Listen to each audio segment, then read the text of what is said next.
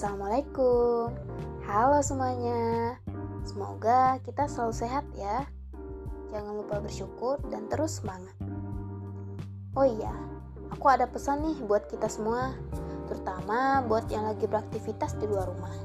Jangan lupa 5M-nya ya. Ingat, selalu jaga kesehatan di mana pun dan kapan pun.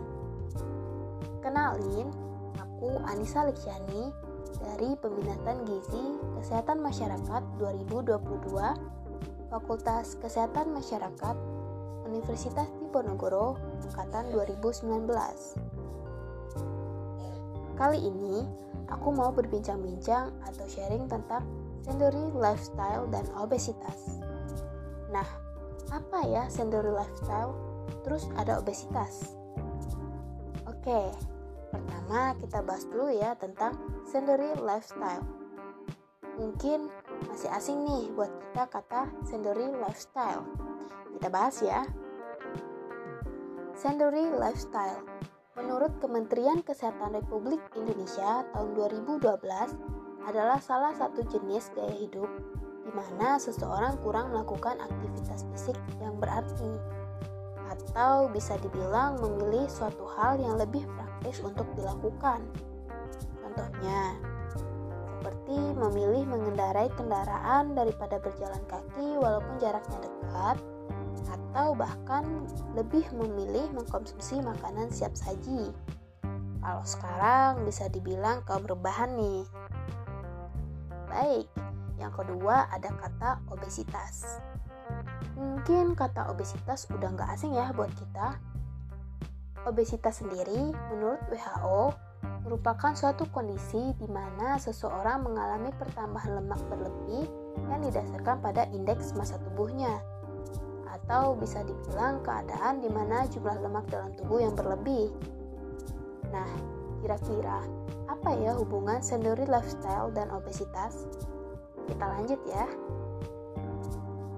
Inilah yang menjadi poin utama kita dalam bahasan kali ini di mana saat ini dengan perubahan pola hidup maupun pola konsumsi yang didukung dengan perkembangan teknologi yang semakin pesat, ternyata sedentary lifestyle dan obesitas sangat berkaitan. Di mana dengan kebiasaan sedentary lifestyle yang kita jalani merupakan beberapa faktor penyebab dari obesitas, seperti aktivitas yang minim. Berdasarkan penelitian, hal ini dapat membuat siklus yang hebat, Di mana jika kita dengan kebiasaan sedentary lifestyle lebih dari 5 jam per hari, memiliki resiko penumpukan lemak dan obesitas karena terjadi penurunan metabolisme basal dalam tubuh. Kebayangkan jika kita rebahan atau mageran selama 5 jam atau bahkan lebih, sudah berapa tumpukan lemak yang ada di tubuh kita. Dan yang kedua, ada mengkonsumsi makanan siap saji. Makanan siap saji pasti sering banget nih dalam keseharian sendiri lifestyle. Padahal makanan siap saji belum tentu baik. Belum tentu makanan siap saji dapat memenuhi asupan gizi maupun nutrisi yang dibutuhkan oleh tubuh kita. Bahkan belum tentu higienis, sehingga dapat menyebabkan kelebihan berat badan atau bahkan obesitas.